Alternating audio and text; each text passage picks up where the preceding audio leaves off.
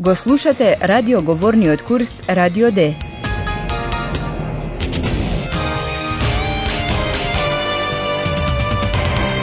Заеднички проект на Гете институтот и Радио Дојче Веле. Авторка е Херат Мезе.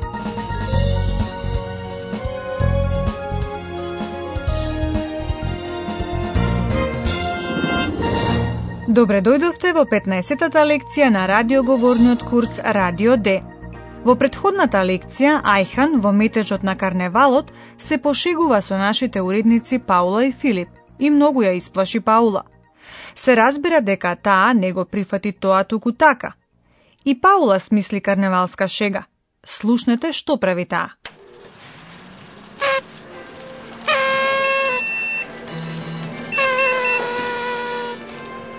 Eiham, du bist sehr schick. Eiham mit Krawatte. Was ist heute los? Heute ist Karneval. Karneval. Das war doch sehr lustig. Sehr witzig, Eihan. Und das ist auch sehr lustig, oder? Schnipp, schnapp, schneck ist die Krawatte weg. Oh, nein! Hilfe! Hilfe! Oh. Na schon gut. Okay. Das war nicht sehr lustig. Entschuldigung, Entschuldigung. Ich spendiere eine Pizza. Eine? Rache ist süß. Сепак тоа беше премногу брзо. Може би успеавте да разберете дека Паула на Ајхан со ножици му ја пресече вратоврската. Кравате. Schnipp, schnapp, schneck ist die Krawatte weg. Оваа карневалска шега во некои делови од Германија жените со задоволство ја прават со мажите. Во седмицата пред Розен Монтак, поточно во четвртокот кога жените го имат главниот збор. Но Паула не ја интересира датумот на овој обичај, особено поради тоа што Ајхан се уште смета дека неговата шега беше многу смешна.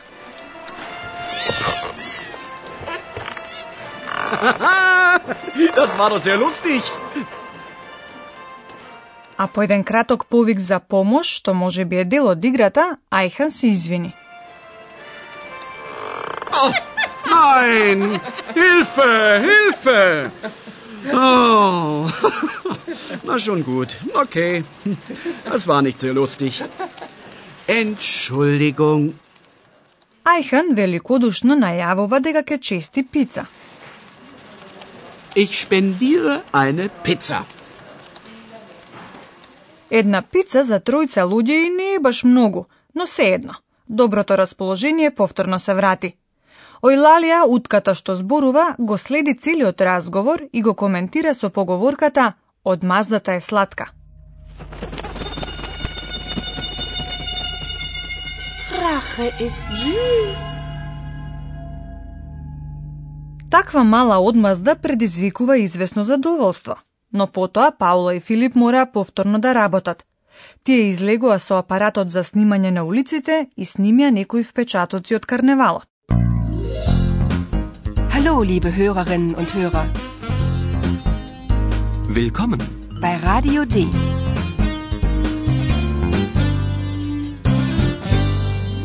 Radio D. Die Reportage.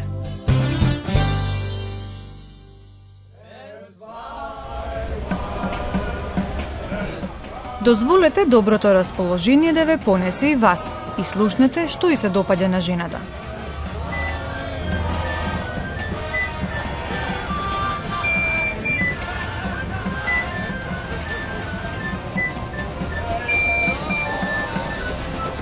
Der Vogelfänger bin ich ja stets lustig, heißer Hopsassa. Ich Vogelfänger bin bekannt bei alt und jung im ganzen Land. Ist das nicht herrlich? Und das Kostümchen schön wohl?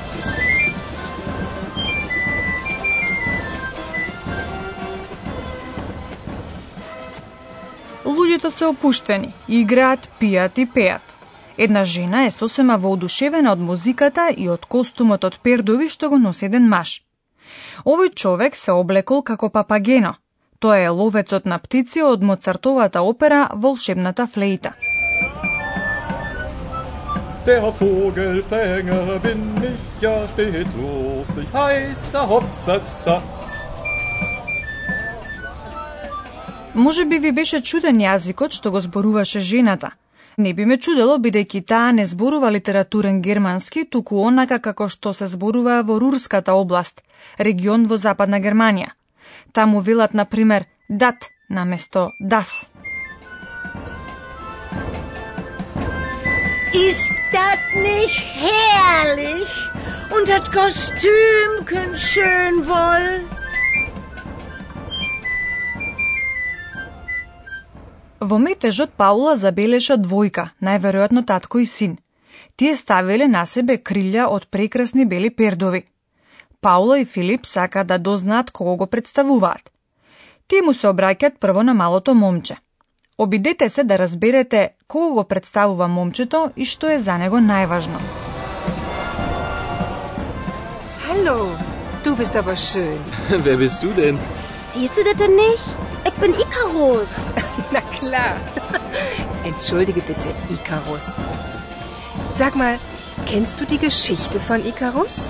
Nö, ist doch real. Hauptsache, ich kann fliegen. Момчето го представува, како што може би разбравте, Икар, Икарус, лик од грчката митологија. Ich bin Icarus. Како за неговиот идол, така и за момчето, најважно е да може да лета. Флиген. Hauptsache, ich kann fliegen. Од гледна точка на момчето, веднаш би морало да се препознае кого тоа представува. Затоа на прашањето на Филип зачудено одговара. Зарем не гледаш? Ова прашање го поставува на впечатлив берлински диалект.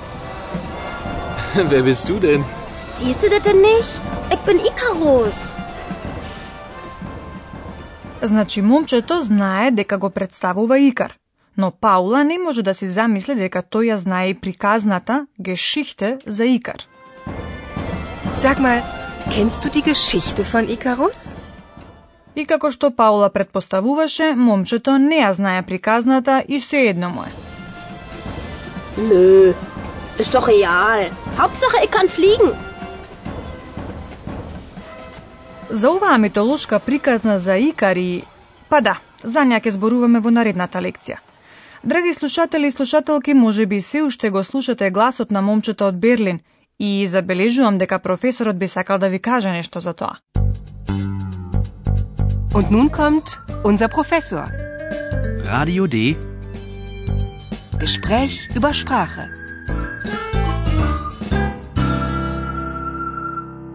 Дали се сеќавате на реакцијата на жената за мажот кој беше преоблечен како папагено? Јас ги прашав нашите слушатели дали јазикот на жената што го зборуваше може би им беше чуден. Да, се сеќавам. Но за да не се создаде впечаток дека луѓето за карневал го преоблекле јазикот, најнапред би сакал да укажам на различниот звук во германскиот јазик. Воодушевувањето на жената, кое што го искажува со прашањето нели е прекрасно, на литературен германски тоа би звучело вака. Ist das nicht herrlich? Но бидејќи таа доаѓа од Рурската област, тоа звучи поинаку. Ist das nicht herrlich? Веројатно во сите јазици има различни изговори, мелодии на речениците и диалекти. Не знам точно, но предпоставам дека е така. Поради тоа ве молам, слушате внимателно. Прашањето на момчето «Зарем не го гледаш тоа?» на литературен германски би звучело вака. Siehst du das denn nicht? На берлински диалект тоа звучи вака. Siehst du das denn nicht?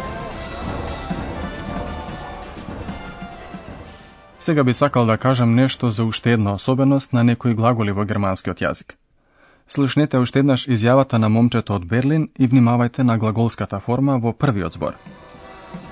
Siehst du das denn nicht? Тука не може веднаш да се препознае дека формата гледаш, зисту, му припаде на инфинитивот, гледа, зеен. Да, на тоа и сакав да укажам. Кај некои глаголи во германскиот јазик, кои во инфинитив го имаат вокалот е, во второ и во трето лице вокалот е се менува во долго и. Sehen. Siehst du das denn nicht? Благодарам. Толку за денеска. Сега можете да слушнете некои сцени уште еднаш.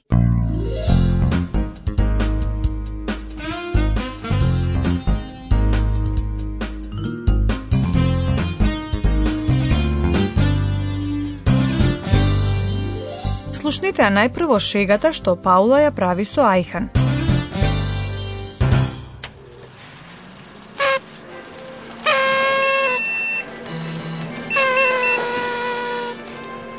Eihan, du bist sehr schick.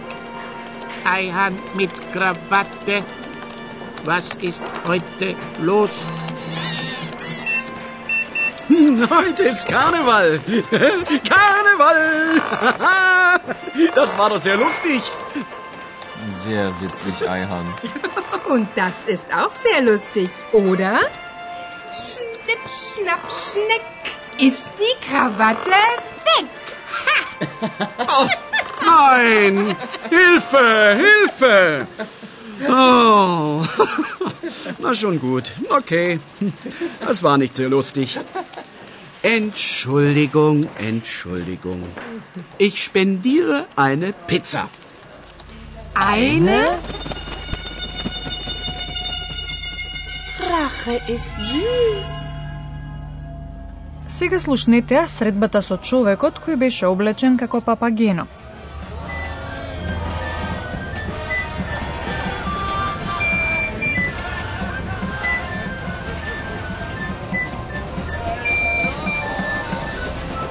Der Vogelfänger bin ich ja stets lustig, heißer Hopsassa. Ich Vogelfänger bin bekannt bei alt und jung im ganzen Land. Ist das nicht herrlich? Und das Kostümchen schön wohl.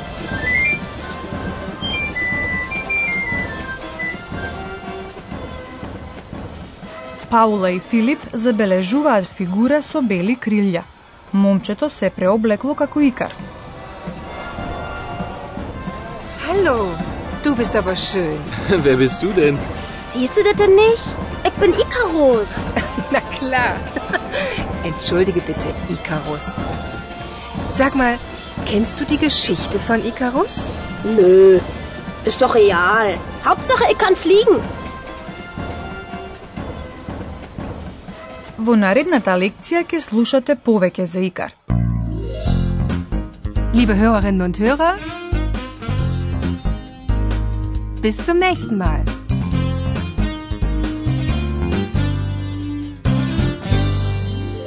Го слушавте Радио Д, курсот по германски на Гете институтот и Радио Дојче Веле. Und tschüss.